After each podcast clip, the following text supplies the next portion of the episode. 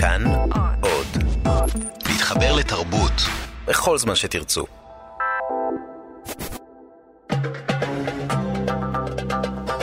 גם כן תרבות. עם גואל פינטו.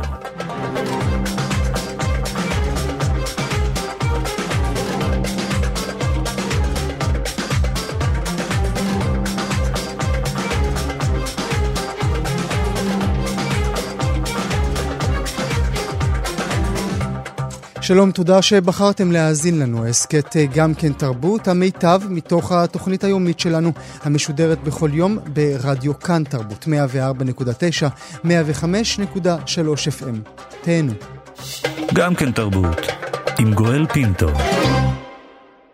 הנושא הראשון שלנו הבוקר שמגיע אלינו מעמודי הכלכלה, ענק התקשורת, אספן האומנות הצרפתי-ישראלי פטריק דריי רכש את בית המכירות סוטביז במחיר של שלושה מיליארד ושבע מאות מיליון דולרים. 275 שנים לאחר שהוקם בית המכירות הוא יהפוך לא לראשונה אלא מזה 30 שנים לפרטי ולא לציבורי. נדבר על הרכישה, נדבר גם על המוטיבציה שלו אה, לרכישה הזאת, נעשה זאת עם שניים.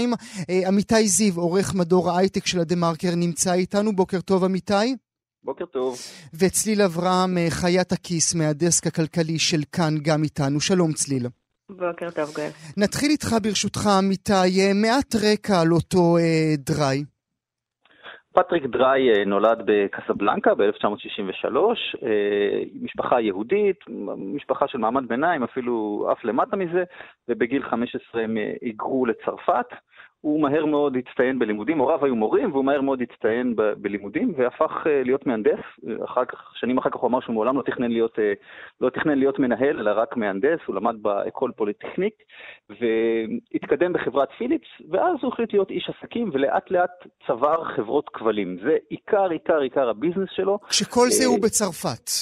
שכל זה עדיין בצרפת, קצת בדומה לשוק הישראלי, היו הרבה חברות כבלים, אתה זוכר פה, תבל, מטב, ערוצי זהב, הם כולם התמזגו לאט לאט, אז תהליך דומה היה בצרפת של שכונות עם ערוצי כבלים אה, מקומיים, אזוריים, והוא לאט לאט אוגר אותם אחת אחת, וממזג את כל חברות הכבלים האלה לחברה אחת שנקראת נומרי כבל, שבעצם נהיית 100% משוק הכבלים הצרפתי. כשכל זה הוא מבין משהו בתקשורת, או שזה מעשה של איש עסקים? הוא, הוא מבין בהנדסה. זאת אומרת, הוא מבין בהנדסה. והוא לא מפסיק שם, ובעצם הוא לא מפסיק לקנות אף פעם חברות כבלים. אחרי שהוא מסיים עם השוק הצרפתי ומשתלט עליו לגמרי בתחום הכבלים, הוא בא לישראל, בישראל הוא קונה את הוט, ואחר כך הוא ממזג פנימה את מירס, הוא חוזר לצרפת, קונה שם חברת סלולר גדולה שנקראת SFR, ואחרי שהוא משלים את ההשתלטות הזאתי, הוא פונה לפורטוגל, קונה שם חברת כבלים, ואחר כך לשוק האמריקאי, בשנים האחרונות יש לו כבר חברות כבלים אמריקאיות, וזה עיקר עיסוקיו, הוא, הוא רק קונה חברות כבלים בעולם. ואין מה... לו כמעט עסקים אחרים. מה הוא עושה איתם? הוא משאיר אותם לעבוד? הוא ממזג אותן אחת בשנייה? הוא סוגר אותן? הוא מוכר אותן? מה הוא עושה עם כל החברות כבלים האלה? אז דריי מתאפיין בזה שהוא פיננסייר, זאת אומרת, הוא עושה מהלכים שנחשבים מאוד מסוכנים כלכלית, זאת אומרת, עסקאות גדולות במינוף גדול, עד כדי כך שמדי פעם האג"ח שלו מגיע לתשואות אה, זבל, והוא עושה כל מיני מהלכים פיננסיים שהם אה, אה, על גבול החשודים, בסדר? מוחק חברות מהבורסה, מנפיק אותם שנית, את, את הוט הוא מחק מהבורסה הישראלית, את, את שאר הפעילות מלמעלה הוא הנפיק בהולנד, אז, אז הוא עושה כל מיני מהלכים פיננסיים כדי להשאיר את הכדורים באוויר, באופן שיש אנשים שאומרים שהוא אפילו אה, מסוכן, אבל בינתיים זה מצליח לו. בינתיים זה מצליח לו. עכשיו, העסקה הזאת היא גם מעניינת, כי הוא קונה, אני מבין קטן מאוד באמנות, אבל הוא קונה את זאת במחיר שהוא 60, בפרמיה של 60 אחוז על מחיר המניה. זאת אומרת, אם השוק מתמחר את המוצר ב-1,000, הוא קונה אותו ב-1,600, mm-hmm. זה מאוד חריג. Mm-hmm. זה, זה, זה, זה עסקה ממונפת. אז מה אולי... המוטיבציות שלו? אז בדיוק על זה נדבר עכשיו ברשותך. Mm-hmm. נעבור אלייך צליל. זה בעצם שני, שני ענקים שחולשים על שוק המכירות הפומביות, סוטביז וקריסטיז. את קריסטיז כבר קנה צרפתי אחר לפני 20 שנים, פרנסואה אנרי פינו. פינו, אתם מכירים אותו, הוא בעצם אשף של בתי אופנה, גוצ'י שייכת לו, כל מיני בתי אופנה עילית שייכים לאיש הזה. אז פינו קונה את קריסטיז לפני... לפני 20 שנים, עכשיו דרהי קונה את סוטביז, על כמה הם חולשים משוק המכירות הפומביות, סליל? בעצם, אה, אני, שנייה, אני פתאום לא מוצאת את הנתון, אה, 40 אחוז, 40 אחוז משוק המכירות הפומביות, זה, זה סוג של דואופול, זאת אומרת, קריסטיס וסוטביז הן באמת, שתי, הן באמת שתי ענקיות אה, בשוק הזה שהוא של כמה מיליארדי דולרים בשנה. אמ, וזה קורה בתוך תקופה של גאות עצומה בשוק האומנות. אה, השנה, 2018 הייתה השנה הכי טובה אה, מזה ארבע או חמש שנים בתחום של מכירות אומנות, השוק הזה גדל אה, בשישה אחוז. אמ, והגאות הזאת בשוק האמנות זה לא אותה גאות שאנחנו מדברים עליה כשאנחנו אומרים ש-30 אלף איש ביקרו ביריד צבע טרי, או שמיליון אנשים ביקרו במוזיאון תל אביב. זה משהו אחר, זה תחום שמושך אליו אנשים מאוד מאוד עשירים, יותר ויותר עשירים, ובעצם הוא נהיה יותר ריכוזי. יותר אנשים מחזיקים פחות יצירות אמנות. הפירמידה שלו נהיית הרבה יותר אה, אה, תלולה, הרבה יותר שפיצית, אה, ובעצם המהלך הזה משלים את התהליך הזה, כי עכשיו אנחנו גם לא נדע מה קורה יותר בתוך mm-hmm, בתי המכירות mm-hmm. האלה. זאת אומרת, כשעמיתי מסביר שהוא מוחק את סוטביס, שדריי מוחק את סוטביס מהבורסה, המשמעות היא שהציבור לא יוכל יותר לקנות מניות של אף אחד משתי, משני בתי המכירות האלה. כי גם קריסטיז היא פרטית, כן. כי, ו, ואנחנו לא נוכל יותר לדעת בעצם הרבה פרטים על הפעילות שלהם, זה נותן המון המון כוח לאנשים האלה, לבעלים שלהם, ו, וחלק עצום מהשוק הזה הופך להיות בבעלות פרטית לגמרי של שני אנשים שלא מתחלקים עם אף אחד. עכשיו, זה קורה בתקופה שבה... בעצם אנשים מחפשים איפה להשקיע את הכסף שלהם, כי הדרכים האחרות נראות פחות בטוחות, כי יש חוסר יציבות בשווקים כבר קרוב לשנה, אה, ויש מלחמת סחר, שכל הזמן אומרים לנו שהיא בסוף יכולה להוביל למשבר כלכלי ולמיתון, ומה שקורה כשאנשים פוחדים ממה שעומד לקרות בבורסה, או שפוחדים שתהיה נפילה בנדל"ן, זה שהם מחפשים איפה עוד, מה עוד הם יכולים להסכים בכסף שלהם, התשובה היא הרבה פעמים אומנות. וזה גם מוכיח את עצמו, כי הנתונים מראים שבאמת... אה, אה, סך העסקאות שנעשות בתחום הזה הן מאוד גבוהות. כן, הן הולכות ועולות, ומה שעולה זה המכירות של ה high-end, זה לא מושך איתו את המכירות האחרות. Mm-hmm. זאת אומרת, מכירות בינוניות של יצירות של רבע מיליון דולר, חצי מיליון דולר, זה מצחיק זה כבר נשמע... לא נחשב, זה כבר לא נחשב. מה זה לא נחשב? היום זה... אם אתה לא מוכר יצירה ב-450 מיליון דולר של סלבטור מונדי, לכאורה של דה וינצ'י, אז לא עשית עסקה. אז מונדי זו באמת הייתה עסקה מאוד חריגה, אבל התחום של ה high-end זה מוגדר 10 עד 50 מיליון דולר, שם יש תזוזות מאוד גדולות, שם קונים ומוכרים כל הזמן, והמכירות האלה עולות. ההשפעה של זה על שוק האומנות היא מאוד מעניינת. אז נדבר עוד רגע ברשותך צליל על ההשפעה, אבל עוד כן. לפני כן אני רוצה לעבור אליך, אמיתי. הוא אמר בהודעה, דריי מוציא הודעה לעיתונות, ואומר שהוא אה, ישאיר את בית המכירות, אה, סוטביז כמו שאנחנו מכירים אותו, כולל ההנהלה, כולל הדרך בה הוא מתופעל. אפשר להסיק מעסקאות אחרות שלו שאכן ככה הוא עושה? הוא משאיר את ההנהלות על כנן? התשובה היא לא. התשובה היא לא, ואגב, זה מה שאנשי עסקים תמיד אומרים כשהם רוכשים מחברה חדשה, הם אומרים, רכשתי נכס נהדר, לא צריך לגעת בו, הנהלה מצוינת, ואז הם מחליפים את כל שורת ההנהלה. זה, זה מה שעושים תמיד, ו- וגם דריי פה החליף גם את המנכ"לית וגם את המנכ"ל העולמי של חברת החזקות של אלטיס, אה, אה, הוא החליף. אגב, הוא, הוא אומר שהוא עצמו, אה, בהודעה לעיתונות, long time client and lifetime admirer of the company. זה נכון, אה, זה כן, נכון. היינו אז, רוצים את אוסף האומנות שיש לו, אמיתי. אז כן, אוסף האומנות, שאגב מעניין איך הוא מתחלק בין הבתים פה ברוטשילד אחד, לבין ז'נבה, לבין צרפת, אה, מעניין מה נמצא איפה. האמת שאני קצת נואשתי מלנסות להבין מוטיבציות של, של אנשים עשירים מאוד, אבל אנחנו יודעים, כן, לאורך מאות שנים שהם תמיד חובבים אומנות, הם תמיד חובבים להיות פטרונים של אומנות, mm-hmm. גם אם אין שם ביזנס נהדר, אה, אה, אני לא מבין את זה, אבל עובדה ש, שיש אנשים שרוצים, ממשפחת עופר, שרוצים ששמם מתנוסס על, mm-hmm. על uh, מוזיאון תל אביב. אלנה רובינשטיין, כן? מוזיאון תל אביב לאומנות על שם סמי ואביבה עופר, כן? אז, אז זה תופעה של, של מאות שנים, נכון? אז אני חושב שיש ערך מוסף, כשאתה מאוד מאוד עשיר, אה, להיות מזוהה עם משהו שהוא, שהוא גם אמנות. זאת אומרת. אני חושב שזה לא strictly business. אה, נחזור אלייך, אה, צליל, אה, ברשותך, על אותן מכירות ענק שמתרחשות בשנים האחרונות. הן בעצם מובילות, ואנחנו רואים יותר ויותר, אפילו לא רק אספנים פרטיים, לא רק מנהלי גלריות, אפילו מנהלי מוזיאונים גדולים בעולם, אומרים, השוק הפך לכל כך בלתי נסבל, שאנחנו לא נוכל לרכוש יותר יצירות לטובת הציבור הכללי.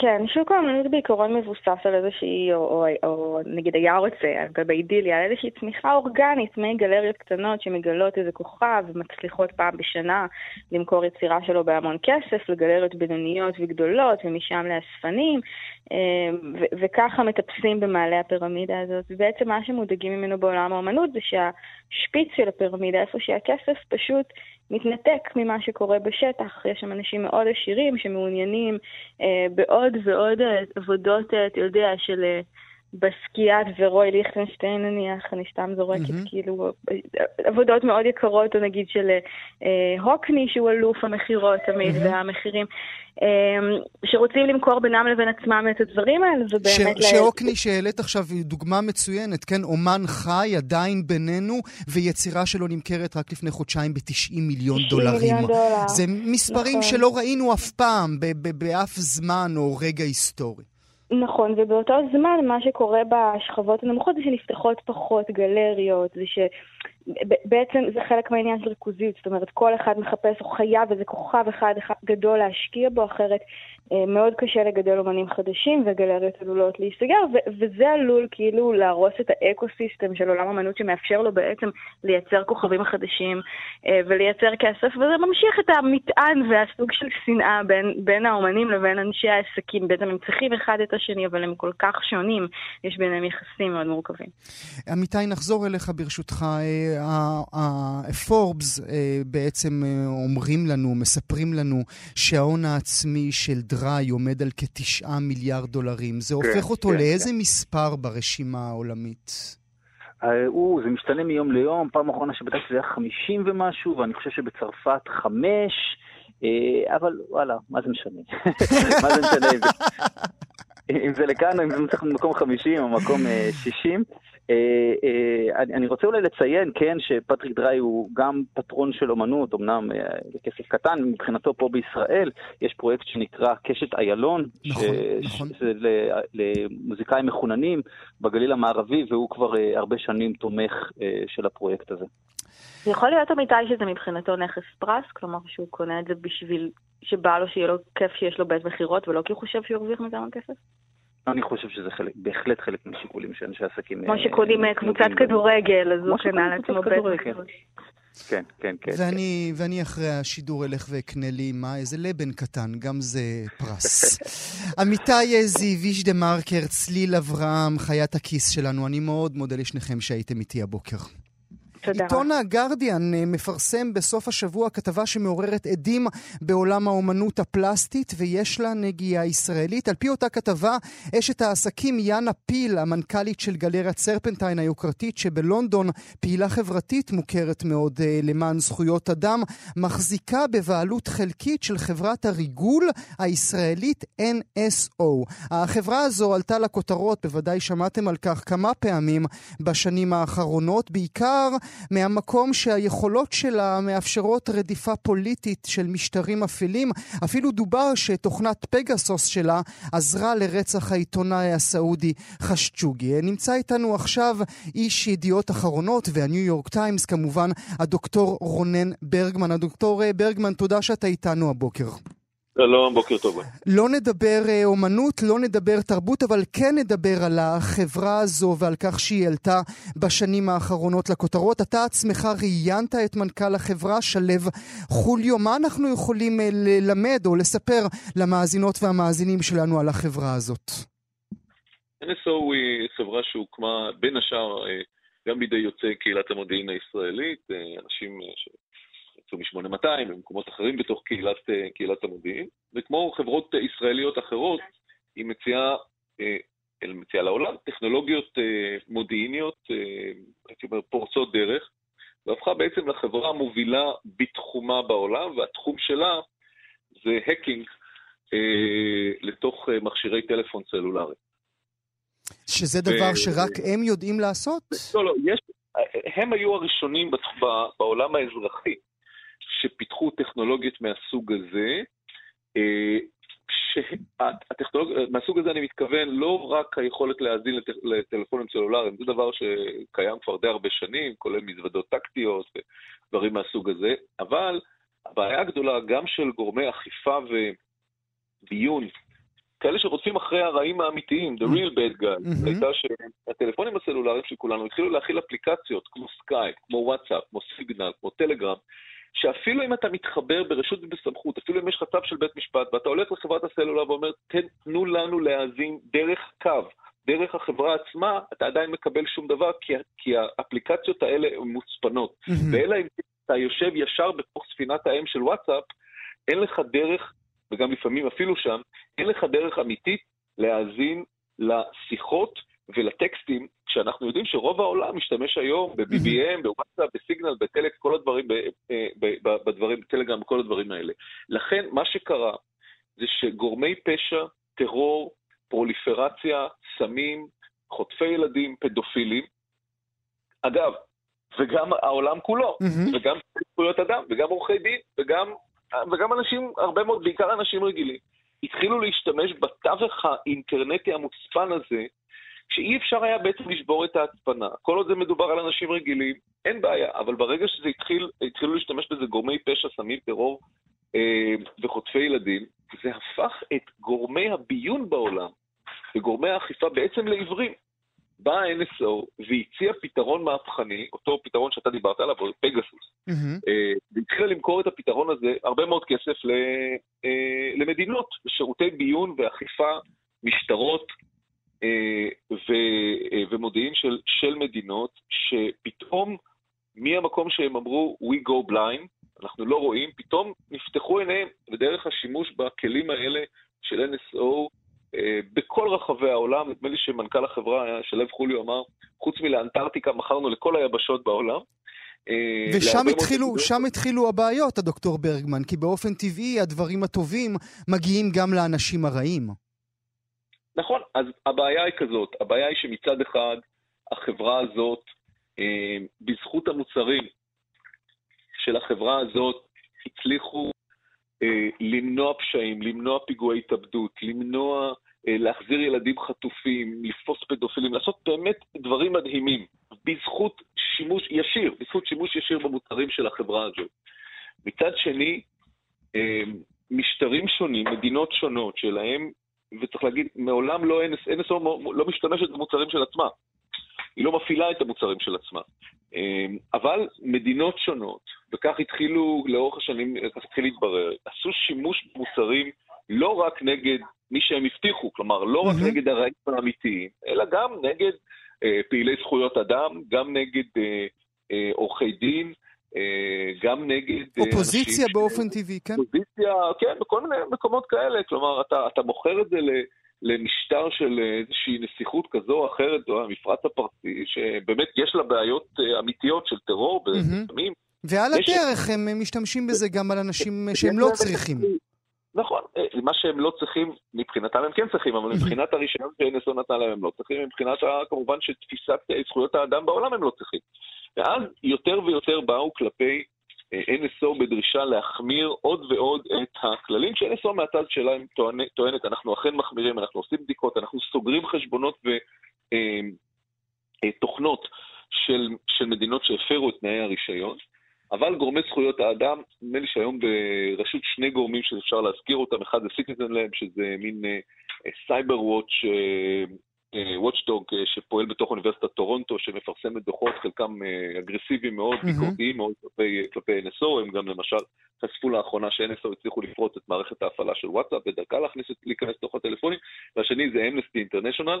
הגורמים האלה טוענים ש-NSO לא עושה מספיק אה, כדי לפקח. עכשיו, האירוע שאתה הזכרת הוא, הייתי אומר, אה, הוא אירוע קצת תמוה בתוך כל הדברים האלה. מה נטען? נטען שחברה שקוראים לה נובלפינה, mm-hmm. שהיא השקעות, שבעצם הייתה משקיעה מרכזית ברכישה מחדש של... אה, של ה-NSO.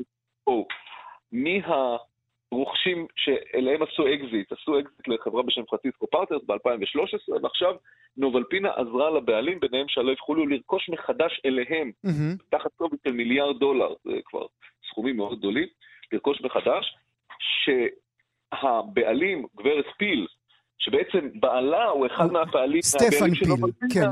כן. איך קורה שהיא, שהיא עוזרת לזכויות אדם ותומכת במאבקים כן, אבל אתה חייב להסכים, להסכים, דוקטור ברגמן, את, את לא יכולה מצד אחד להיות אדבוקטית של איי ווי ווי, ומצד שני, אה, שבאיזושהי דרך, גם מיד ועוד יד ועוד יד, אותה, אה, אותה, אה, אותו פגסוס ירדוף את איי ווי ווי. תראו, אנחנו, יש, יש מצד NSO, יש הכחשה נדמה לי לגבי הספציפית הזאת, אבל אני משאיר את, את הנושא, יש פה נושא אחד עקרוני, והוא נדמה לי הנושא בוויכוח. אישה עוסקת במה שהיא עוסקת, ובעלה עוסק במה שהוא עושה, כנראה שהם רשומים ביחד. האם יש לשניהם אה, זכות, האם יש לה זכות להמשיך לעסוק במה שהיא עושה כשבעלה עושה משהו אחר? אני חושב שזה לשיקולו ולערכי המוסר שכל מאזין ומאזינה אה, של התוכנית שלך. הנושא המרכזי כאן, אני חושב שהוא הוא, הוא, הוא צריך להיות בדיון, וזה הפרוליפרציה של כלים. בעבר היו כלים של מדינות, כלים אסטרטגיים, mm-hmm. שהיום נמצאים ב, בידיים של חברות פרטיות, חלקן הגדול חברות ישראליות, mm-hmm. שבעצם אם בעבר גורמים פרטיים היו נזקקים לשירותים של מדינות, היום זה התהפך, היום מדינות לש... זקוקות לשירותי המודיעין של חברות פרטיות, סוג חלקן מסתכלות בגלל שאנחנו ישראל, בגלל שאנחנו סטארט-אפ נשן, בגלל שזה נולד מתוך קהילת המודיעין, בגלל כל הדברים הבאמת נפלאים האלה, זה יוצר או עלול ליצור גם אה, סוג של, אה, של אה, בעייתיות. כמובן.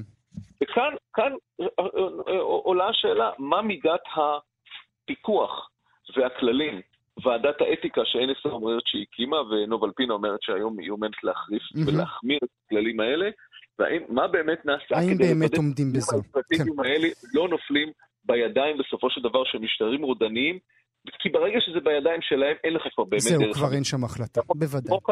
אתה יכול לסמוך עליהם שהם תמיד יעשו יותר ממה שהרשית להם. בוודאי. הדוקטור רונן ברגמן, איש ידיעות אחרונות והניו יורק טיימס, אני מודה לך מאוד שהיית איתנו הבוקר. תודה. בוקר טוב.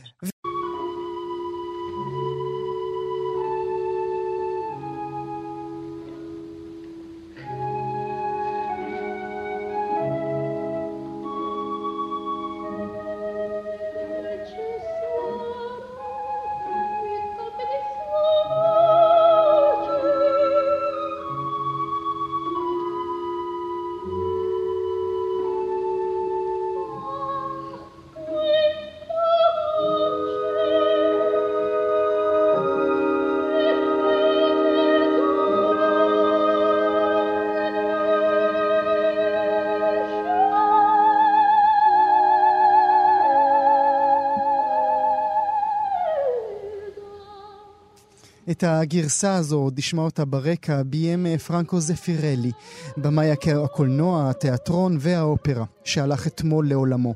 זפירלי נולד ב-1923 בפירנצה, הוא חלם ללמוד אדריכלות, אבל המפגש עם הבמאי לוקינו ויסקונטי, שאיתו גם ניהל מערכת יחסים, שינתה את מסלול חייו, והוא הפך לאחד מהקולות האיטלקים הבולטים בתרבות העולמית, כשהוא נע חסר מנוחה, תמיד בגרנדיוזיות בין הבמה לקולנוע. הפקות האופרה שביים למשל פלסטף של ורדי הוצגה במשך ארבעה עשורים במטרופוליטן בניו יורק, או טוסקה בגרדן בלונדון, שהיה לתפקידה האופראי האחרון של מריה קאלאס. גם כאן, בישראל, הוא עבד. נדבר על ההשפעה שלו על עולם האופרות, נדבר גם על העבודה שלו כאן בישראל, ונעשה זאת עם מי שהייתה לשעבר מנכ"לית האופרה הישראלית, חנה מוניץ. שלום חנה, תודה שאת איתנו הבוקר.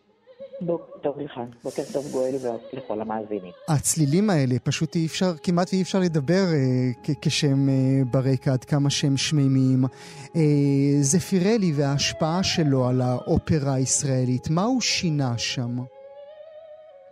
קודם כל, אה, עצוב שעולם התרבות איבד אתמול את אחד האומנים החשובים ביותר של דורנו. ופירלי באמת, כמו שאמרת, ביים אופרה, קולנוע, תיאטרון, הוא גם עיצב, הוא היה אומן טוטאלי, כמו שהיום כמעט אי אפשר למצוא. אה, ואצלנו הוא ביים בכל המקומות הכי חשובים בעולם. אה, ציינת את המטרופוליטן אופרה, את הקובנט גארדן, אה, את הסקאלה במילאנו וגם באופרה הישראלית, כמובן את פסטיבל האופרה בוורונה ומקומות אחרים. ובאופרה הישראלית הוא ביים את ההפקות הכי גרנדיוזיות, הכי גדולות שאי פעם נעשו אצלנו, אה, והוא לימד אותנו והוכיח לנו שאפשר לא להיבהל ולעשות גם כך. אה, הוא בעצם האמין שאופרות צריך לעשות כמו שהן נכתבו, קלאסיות, אה, אופרות מופת. הוא טען שבמאים שמביימים היום, מותר להם שינסו לכתוב יצירות חדשות משל עצמם, במקום לקלקל יצירות מופת של אחרים. הוא באמת באמת האמין שצריך לביים אופרה הכי גדול שאפשר, וזה מה שהוא עשה אצלנו עם לבוהם, שעשינו, אם אינני טועה, ב-1997, אה, ואחר כך עם אה, פליאצ'י, ואחרי זה קרמן. אה, הוא אהב מאוד לעבוד גם עם מנצחים גדולים כמו דניאל אורנס, ובן מטה, דניאל ברנבוים. הוא, הוא אהב את הרמה הכי טובה, הכי גדולה שיש. כשבמ... uh, כשבמאי בסדר גודל כזה מגיע לישראל ומביים באופרה החשובה, אך גם הקטנה שלנו לעומת האחרות, איך העבודה מתנהלת בעצם, חנה?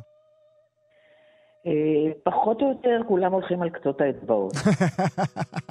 אה, החל מהקומה העליונה ועד הקומה התחתונה ועד אה, עיצוב התלבושות, עד חדרי האומנים, כולם.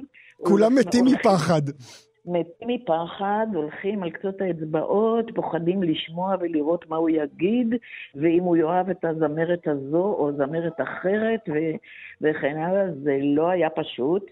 אה, לפעמים גם הוויכוחים בינו ובין דניאל אורן, ויכוחים בין מנצחים ובמאים הם דבר אה, ידוע ומוכר, אבל אה, אם זה פירלי זה תמיד היה כמעט מחויב המציאות. ואפילו באחת הפעמים אני אספר לכם משהו שאולי לא צריך להגיד, אבל בוויכוח גדול בין הבמאי, אה, בין זפירלי ובין דניאל אורן, אה, כשהייתי צריכה להכריע בין שניהם, והוא טען, טרק את הדלת ואז חזר חזרה ואמר לי, you know what you are? You're a little lady with big balls. אבל... אז זה היה הסגנון שלו, אה, לפעמים בוטה, אבל תמיד תמיד גדול, והוא לימד אותנו כמעט את כל מה שאנחנו יודעים על אופרה, אבל מה שמעניין זה שלמרות שהכל היה כל כך גדול אצלו, הוא גם אהב לעבוד עם אה, אנשים צעירים, עם אומנים צעירים, הוא גם ערך אצלנו כיתות אומן לזמרים הצעירים שלנו. ואולי עוד דבר שכדאי שתדעו ואף אחד לא ידע עליו, הוא הרי גם היה מה... רגע, יש לנו בעיות אה, בקו, חנה? אולי זזת מאיזשהו מקום? חנה עוד איתנו? חנה? חנה, את עוד איתנו? לא, אז זה... אה, בוא, בוא נגביר קצת את המוזיקה, בינתיים ליטל אה, תחזיר את חנה אל הקו.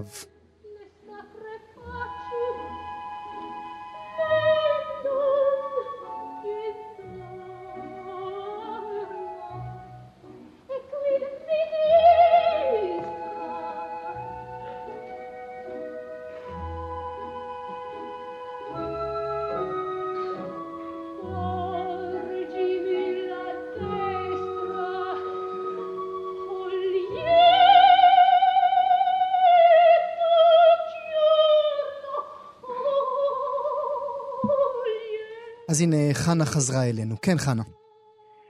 אז מה שרציתי לספר זה שאכן הוא באמת התחיל את הקריירה שלו בלימודי אדריכלות, ובאחת הפעמים שביקרתי בביתו ברומא, הייתי שם לא מעט פעמים במסגרת העבודה שלנו, אה, הוא הראה לי אה, מודל של בית המקדש בשילה, שהוא הקים וחלם כל חייו שמישהו בארץ יזמין אותו לבנות אותו. Hmm. אז ככה שהוא היה באמת איש אה, רב פעלים, עסק כמעט בכל דבר שקשור באופרה, תיאטרון, קולנוע, ובאמת, מה אני יכולה למה, לומר? למה, למה באמת מישהו שעושה את הסקאלה ואת המטרופוליטן מגיע אה, לבית אופרה כמו בתל אביב?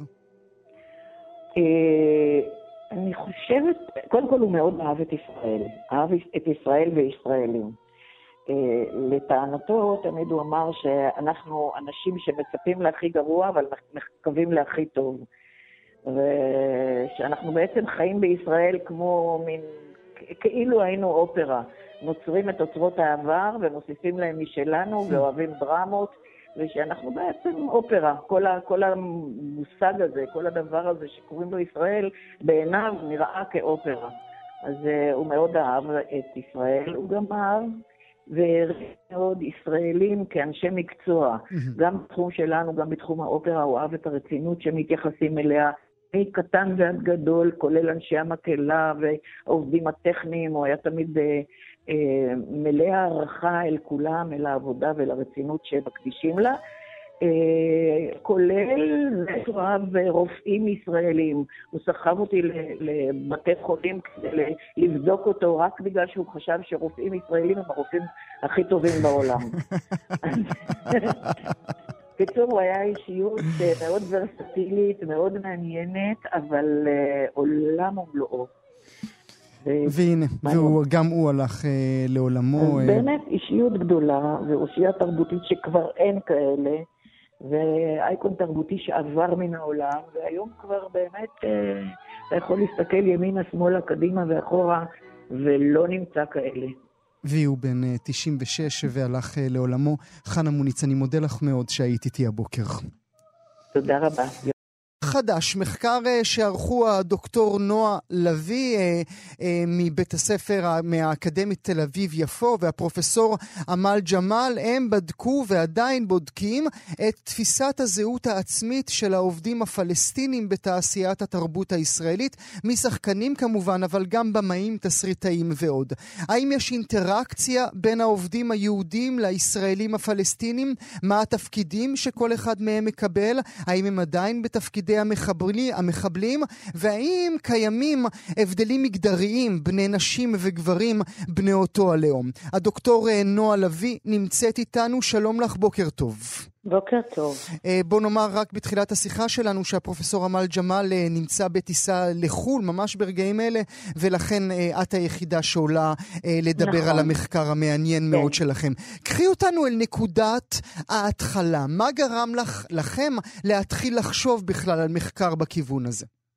אז האמת שלפני שנתיים הייתי בכנס, בעצם כבר שלוש שנים, הייתי בכנס אה, של חוקרי תקשורת אה, באוניברסיטת לידס באנגליה, והכנס עסק במה שקוראים לו תעשיות התרבות, שזה בעצם טלוויזיה, קולנוע, אה, היום גם אינטרנט, רדיו, מה שהיה פעם וכדומה. ושמעתי הרצאה מרתקת של דוקטור ענמיק סהה, שהוא חוקר מאוניברסיטת גולדסמית באנגליה, והוא אה, פלסטין, אה, סליחה, הוא בריטי ממוצא פקיסטני. והוא חקר את חוויית החיים והעבודה של שחקנים בריטים ממוצא הודי ופקיסטני. ובעצם הציג ממצאים... בתוך התיאטרון ש... הבריטי. בתוך התיאטרון הבריטי, ובעצם הציג ממצאים מאוד מעניינים שדיברו על כך שמצד אחד, כשהם לומדים אה, משחק ודרמה בבתי הספר אה, המעולים בלונדון, אה, מעודדים אותם לקחת על עצמם תפקידים שייקספירים ולוותר על המבטא, נניח הפריפריאלי המעט הודי או פקיסטני שיש להם מהבית. אבל אחר כך כשהם יוצאים לשוק העבודה והם הולכים לאודישנים, מבקשים מהם להחזיר את המבטא הזה באודישנים בשביל hmm. להיות האחות ההודית בבית החולים, המטפל ההודי אה, בבית אה, הקשישים וכדומה. אף פעם, ו... לא, אף פעם לא הגיבור הראשי החתיך. אף פעם לא הגיבור הראשי. בוא נגיד לא ריצ'רד השלישי ולא hmm. המלט. Hmm. ואז אה, בעודי יושבת שם אמרתי לעצמי, זה מרתק לבחון את זה בהיבט הישראלי. תוך התבוננות על המיעוט של פלסטינים אזרחי ישראל. אה, מכיוון שבישראל יש בנוסף להיבט אה, התרבותי, אה, שיש בעצם היררכיה תרבותית בין הילידים לשעבר, ההודים והפקיסטנים והבריטים הוותיקים, יש כאן אצלנו את ההיבט הלאומי של הסכסוך הלאומי, ובעצם ההתייחסות לפלסטינים אזרחי ישראל, או כמו שאחרים קוראים להם ערביי ישראל, ההתבוננות עליהם כאל אויב, כאל אחר, כמסומן, כסכנה. וחזרתי לארץ עם אה, מעין פנטזיה לקיים אה, מחקר כזה. ו... ואת מבינה שאת לא יכולה לעשות את זה לבד, שאת בדיוק, צריכה... בדיוק, ואני מבינה בעצם שאני כיהודייה לא יכולה לעשות את זה לבד, מכיוון שיש כאן בעיה גם אתית וגם uh, מחקרית. אני לא יכולה לבוא מתוך תפיסת העולם שלי ולהתחיל לחקור, uh, יש כאן משהו מאוד מתנשא, כן? להתבונן על ה... אה, אני האשכנזיה מתל אביב, באה ומתבוננת על האחר, ולכן אה, פניתי לפרופסור אמל ג'מאל, שהכרתי את הכתיבה שלו, שהוא איש מדע המדינה, אבל גם עוסק הרבה בתקשורת, כתב הרבה על אה, הנראות של פלסטינים אזרחי ישראל בריאליטי הישראלי. ו... ו... וכתבתי לו על הנושא, ונפגשנו, ושנינו הבנו שיש עכשיו, כאן תחום מחקר שלא נחקר בארץ לא נחקר. בכלל. עכשיו, אני, אנחנו עוד רגע נדבר באמת על הפרטים המופיעים במחקר המעניין שלכם, שכבר פורסם אה, בארצות הים, באנגלית, אבל כן. מעניין אותי בעצם הפער. קחי אותי אל הפער בין מה שחשבת לבין מה שגילית, כדוגמה אחת למשל. אז כמובן שאנחנו מגיעים עם ה...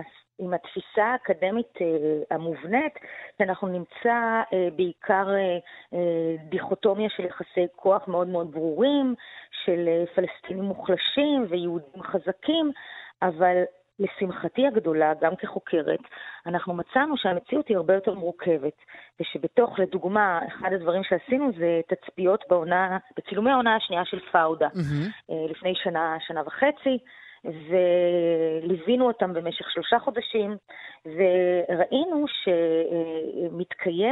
שמתקיימות זירות בתוך ההפקה עצמה, שבהם לפלסטינים, לשחקנים הערביים, יש אה, נקודות עוצמה מאוד משמעותיות, לדוגמה בשליטה בשפה, mm-hmm. בשליטה התרבותית.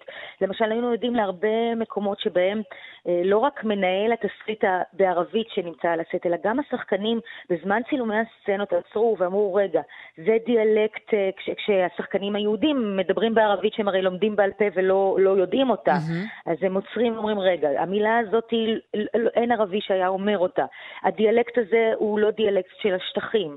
אני לא מוכן להגיד את המילה הזו כי היא פוגענית מדי וכדומה. זאת אומרת, זאת רק דוגמה אחת למקומות של זירות של משא ומתן, שבהם הכוח הוא נזיל. אבל, אני, ואולי... אבל אני לא כן. בטוח, הדוקטור לביא, אני לא בטוח שפאודה כן. היא דוגמה מספיק טובה או מייצגת, סליחה, או, או דוגמה כן. מייצגת למעמדם או מקומם של שחקנים ערבים בתוך סטים ישראלים, כיוון שפאודה במהותה נותנת להם מקום שווה למקום שנותנים ליהודים בעלילה עצמה. אז, מה אז קורה אני... כשהם רק המנקה? אז אני, אז אני אענה לך. אז קודם כל, לגבי המקום השווה בפאודה, אז פה בוא גם אני אפתיע אותך, כי למרות שבתפיסה של הביקורת הישראלית אה, ניתן מקום שווה והדמויות הפלסטיניות הן מלאות ועגולות יותר, לא כך תפסו את זה חלק mm. מהשחקנים. Mm. אז זה לשאלתך הזו. לגבי נניח איך אה, תופסים את עצמם בהפקות אחרות ואנשים שהם בעמדות אה, אה, אחרות על הסט, אז כמובן יש פה המון המון מרכיבים uh, מתערבים. למשל, uh, העובדים על הסט, אנשי גריפ, uh, מנהלי הפקה, פלסטינים, אז כמובן מבחינת המקום התעשייתי שלהם זה מקום יותר נמוך, אבל דווקא על סט של סדרות טלוויזיה, שגם אני הייתי בעברי שחקנית, יש כל הזמן דינמיקה ב- בלמי יש את העוצמה. לפעמים איש הגריפ יש לו איזשהו רגע של עוצמה שאין mm-hmm. לאחר לשחקן, mm-hmm. אתה. מבין? זה, זה הרבה יותר מורכב. לעומת זאת, אנחנו לא ניהלנו רק תצפיות בפאודה, אלא ראיינו במשך השנה האחרונה כ-30 שחקנים ושחקניות שעבדו ושיחקו במכלול אה, סדרות. אז חלקם מדברים כמובן על המקום הסטריאוטיפי שהם תמיד צריכים לקחת על עצמם את תפקיד המחבל. אחרים מתארים אה, תחושות של אה, איזושהי בניית מציאות חדשה. זאת אומרת, אנחנו לא מוצאים כאן איזשהו קול אחיד אה, של הכפפה. Mm-hmm. אתה מבין? אבל עדיין אז... הגבולות קיימים? הגבולות. של ההגמוניה? כן. אה... תראה, כשאני מדברת על זירות חופש, זה מאוד מורכב להסביר את זה כשעוסקים במחקר איכותני, הרי אין לי פה מספרים קונקרטיים, אה, אה, זה רעיונות ותצפיות, אבל כשאני מסתכלת על הזירה, נקודת המוצא שלי היא שכל שדה התרבות הישראלי הוא מוכפף להגמוניה יהודית mm-hmm, ציונית. Mm-hmm. בתוך ההכפפה הזאת המובנית, שהיא פוליטית, כן, והיא, והיא הכפפת מקרו בעצם, בתוך מצב המקרו הזה, אנחנו מוצאים מקומות של התנגדות. מקומות של לקיחת, כמו שאנחנו קוראים לזה באנגלית agency claiming, לקיחת הובלה. זאת אומרת, מה שיפה כאן זה שאתה יכול לראות התרחשויות של שינוי, גם אם הן צומחות מלמטה, וגם אם הן לא אחידות ולא תמיד מופיעות, אבל אתה רואה שלדבר על הכל באופן שטוח כעל זירה שהיא לחלוטין הגמונית אבל לא דולפת, אז בוא נגיד שאנחנו מוצאים את הדליפות בהגמוניה. אה, לא הכל טוב ולא הכל רע. הזכרתי בתחילת דבריי, אה, הדוקטור לביא, את ההבדל המגדרי. הוא קיים בין שחקניות לשחקנים? הוא קיים בכלל כמובן בין שחקניות לשחקנים באופן כללי, וזה גם משהו שמצאנו במחקר, בלי קשר ספציפי לפלסטינים ויהודים. אה, תעשיות התרבות, מי כמוך יודע, מאופיינות בשליטה אה, גברית אה, הגמונית, בישראל גם אשכנזית לבנה, אוקיי? עכשיו, נשים בתעשיות התרבות, לא רק בישראל, אלא בעולם המערבי ולא המערבי כולו, הן נמצאות, מיעוט מהן בעמדות מפתח, ויש להן גם פחות תפקידים מובילים, אתה יודע, את, כמובן, מבוגרות פחות, צעירות יותר, אבל נשים הן עדיין מיעוט פוליטי בתעשיות התרבותיות. כשמסתכלים אה, באופן ממוקד על נשים פלסטיניות, אזרחיות ישראל, אתה רואה שהן אה, בעצם סובלות ממה שאנחנו קוראים לו במחקר שוליות כפולה. מה זה אומר שוליות כפולה? זה לדוגמה, נניח אה, אה, מישהו שהוא גם שולי מבחינת הזהות הלאומית שלו, זאת אומרת, הוא מוכפף כפלסטיני, אבל גם אישה. זאת אומרת, יש כאן שתי זהויות שהן מיעוט. שכל זה מתבטא על הסט? וזה מתבטא על הסט בפרקטיקות התנהלות. למשל, ראינו שחלק מהשחקניות לוקחות על עצמן נניח את הסטריאוטיפ המערבי כלפי אישה, ומתמודדות בתוך הסט עם אה, ניהול רושם של קצת פתיינות וקצת, אתה יודע, אובר חביבות, ואני ואני מאוד נזהרת במה שאני אומרת, כי אני לא רוצה להישמע אה, סקסיסטית, כן? אני רק אומרת שזה לקחת על עצמך את העין הגברית ולהתנהג לפי מה שאת חושבת שמצפים ממך, אוקיי?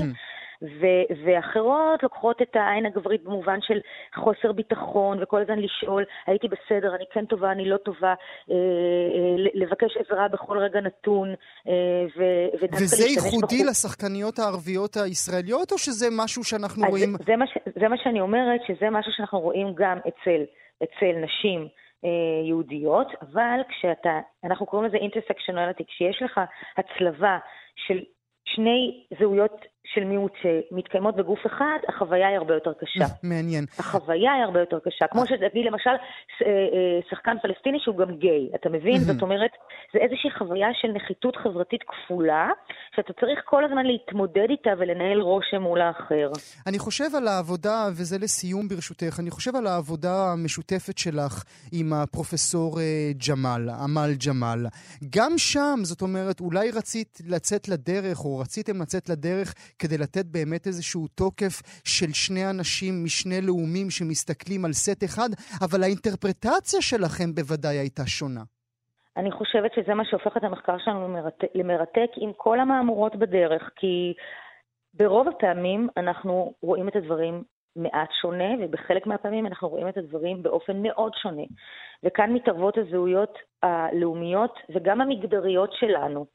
אה, ובתוך המשא ומתן שיש בינינו, שלפעמים עולה לטונים ולפעמים הוא רגוע, בתוך המשא ומתן הזה, בסופו של דבר, התוצרים הם אה, יותר שלמים, ואולי יותר נוטים לאובייקטיביות, כי אנחנו בעצם אחרי מאבק, נניח שהוא גם מאבק בינינו, שמכיל בתוכו את כל הזהויות, אנחנו מגיעים לאיזשהו ניתוח שהוא הרבה יותר אובייקטיבי, כי כל אחד מצליח לשים בצד מעט את עולם הערכים שלו ולהתקרב לשני.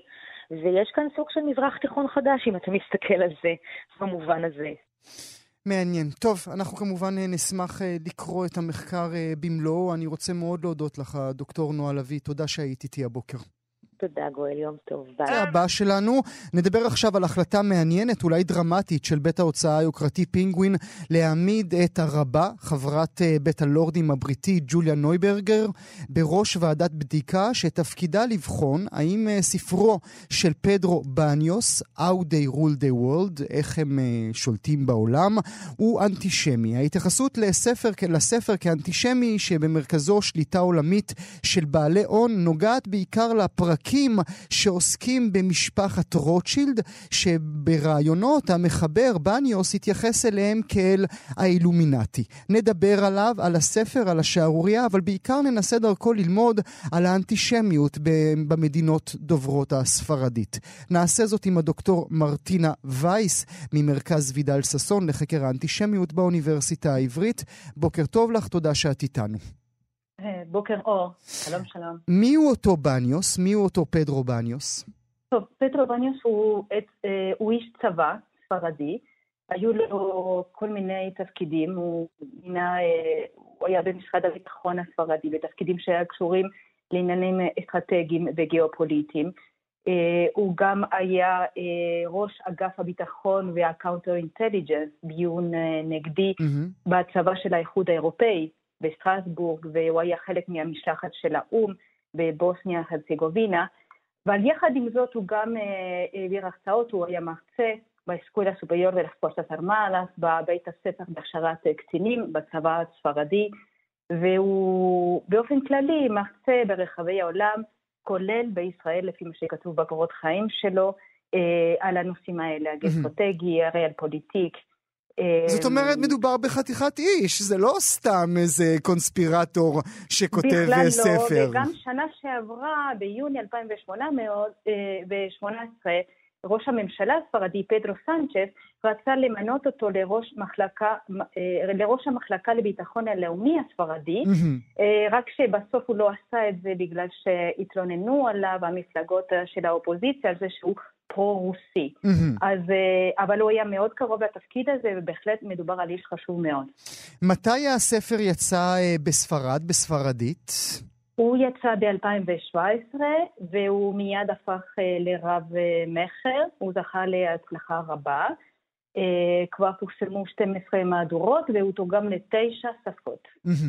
וכמו שאמרתי בתחילת דבריי, בעצם במרכז הספר שמחולק לכמה וכמה פרקים, נדמה לי כ-20 uh, פרקים, הוא נותן כל הזמן את נקודת המבט שלו על אותם כוחות שפועלים uh, או מפעילים את העולם כולו. אחד מהכוחות שעליהם הוא מדבר עם משפחת רוטשילד והכסף היהודי. עד כמה היה שיח סביב זה עם הוצאת הספר? הספר בספרד, אם בכלל? אמ, לא, לא ממש. בספרד זה לא, זה לא הפך אה, להיות נושא חשוב אה, בעיתונות. זה בעיקר עכשיו, עם ה, עם ה, עכשיו שזה תורגם לאנגלית, שזה הפך להיות שערורייה. אה, לא, בספרד זה, זה דווקא עבר די, די חלק. רק עכשיו, רק עכשיו מדברים בעקבות מה שקורה דרך המהדורה באנגלית. אה, אז, אז באמת היה צריך כנראה את דוברי האנגלית כדי לשים לב אה, לאותה נקודה. עד כמה זה כן. מפתיע אותך שאיש אה, בדרגה כזאת, ב, ב, ב, ברמה, בכבוד כזה, כותב כזה שיח? עד כמה זה מפתיע אותך שזה מגיע מאיש אה, מספרד? תראה, זה ממש לא מפתיע אותי, כי בהקשר של השיח הפוליטי הספרדי, הקשר הזה בין יהודים לכוח, לכוח של... להרבה מקרים הוא כוח נסתר, הוא כוח שיכול להתפרש גם לחיוב וגם לשלילה. Mm-hmm. הוא, הוא סוג של קונצנזוס בעצם. הוא ב, ב, ב, בכל הקשת הפוליטית, אנחנו רואים שיש התייחסות לכוח היהודי, לקשר שלו לכסף, להשפעה שלו על, הממשל, על, על, הממשל, על הממשלה של ארה"ב לדוגמה, או על התקשורת באופן כללי, זאת אומרת, זה סוג של קונסנזוס. הם, הם, לא, הם חושבים שככה זה, אה, לא רואים בזה בעיה בכלל. זאת אומרת, הם לא מאוד שונים ממה שאנחנו מכירים ממדינות אחרות באירופה. אה, הרוטשילד, אה, המושג רוטשילד בצרפת אומר כמובן, כל יהודי צרפתי יעיד עד כמה המושג הזה טעון, וגם כמובן במדינות אחרות. זה בהחל... אפשר לומר שהאנטישמיות בתוך, בתוך התרבות הספרדית מושרשת עד כדי כך? אה, כן, היא חלק מהתרבות. הרי השורשים הם מאוד מאוד עמוקים, וכי זה, השורשים שלהם באנטישמיות הנוצרית, התיאולוגית בכלל. והאנטישמיות, דווקא המונח הזה, משפחת אה, רוטשילד כסמל של הקונספירציה היהודית, הוא דווקא שייך לתיאוריות הקונספירציה של האנטישמיות המודרנית, דווקא כמו שאמרת, זה יותר בא מצרפת, מגרמניה, מאנגליה, זה פחות מבוסס, וזה לא, זה לא במקור ספרדי, mm-hmm. אבל זה חלק מהשיח, מה, מהתרבות האנטישמית של האנטישמיות המודרנית. אז דרך, דרך, דווקא צפון אירופה זה הגיע לספרד, אבל בספרד החלק, נגיד, הכי אה, אה, מושרש של, של האנטישמיות הוא דווקא בא מהפן הנוצרי והתיאולוגי. Mm-hmm. אבל יש קשר בין הדברים, כי הקשר בין יהודים לכוח, שבימי הביניים הוא היה נחשב לכוח שטני, לכוח היהודי היה קשור לשטן, לאנטי-כריסטוס, הכוח הזה הנסתר והכוח על הזה, הוא עבר כמה, עבר כמה גלגולים והוא הוא, הוא, הוא, אה, עם, עם העידן הגלובלי והעידן הפיננסים, אז, אז, אז הוא הפך להיות כוח פיננסי או כוח אחר, אבל אבל המקור הוא עדיין אותו מקור. כמה יהודים חיים היום בספרד? מעט מאוד. קשה להגיד לפי הדמוגרף של האוניברסיטה העברית סבג'ו דה לפרג, אולי מדובר על 12,000, אבל, אה, אבל קשה להגיד באופן אה, חד משמעי בעצם, כי אין נתונים אה, ברורים, אבל גם נגיד ראש ה... גם מנהיגי הקהילה היהודית מדברים על כ-40 אלף, כמובן יש להם אינטרס בזה, בלנתח קצת, אז בכל זאת זה, זה מעט מאוד, mm-hmm. מאוד, כי זה באוכלוסייה, בתוך אוכלוסייה של כ-45 וחמש מיליון איש, זה מדובר על מעט מאוד. זאת אומרת, זה לא מאות האלפים שחיים בצרפת או, או באנגליה. יש נגדם מול הקהילה הקטנטונת הזאת גילויי אנטישמיות? אה, יש מעט. אה, אה, כן מתחיל להיות דווקא בשנים האחרונות קצת אה, פחד, קצת מתחילים לפחד, אבל אה, אין הרבה גילויים, נגיד אין אלימות כמעט, כמעט ואין אלימות נגד יהודים. אלימות היא בעיקר מילולית, אה, יש בעיקר דעות קדומות, או בעיקר עניינים קוגניטיביים או מילוליים. הקהילה שם היא לא תחת איום בכלל, בכלל, היא קהילה משגשגת, מצליחה, שחיה טוב בספרד. ו- ומילה לסיום ברשותך, את חושבת בעקבות הבדיקה, אה, הבדיקה של הספר באנגלית, זה באמת יגיע עד ספרד ואולי יחשבו לעשות גם שם בדיקה של הספר? Mm, יש סיכוי, יש סיכוי, אני לא יודעת, אני לא יכולה להגיד. אבל יש סיכוי, זה תלוי בכמה חשוב זה יהיה. אני כבר קוראת עכשיו בעיתונות הספרדית שכבר מתחילים לדבר על זה, אז יש סיכוי, כן. מעניין, אנחנו נעקוב אחרי זה כמובן. הדוקטור מרטינה וייס, אני מאוד מודה לך שהיית איתנו הבוקר.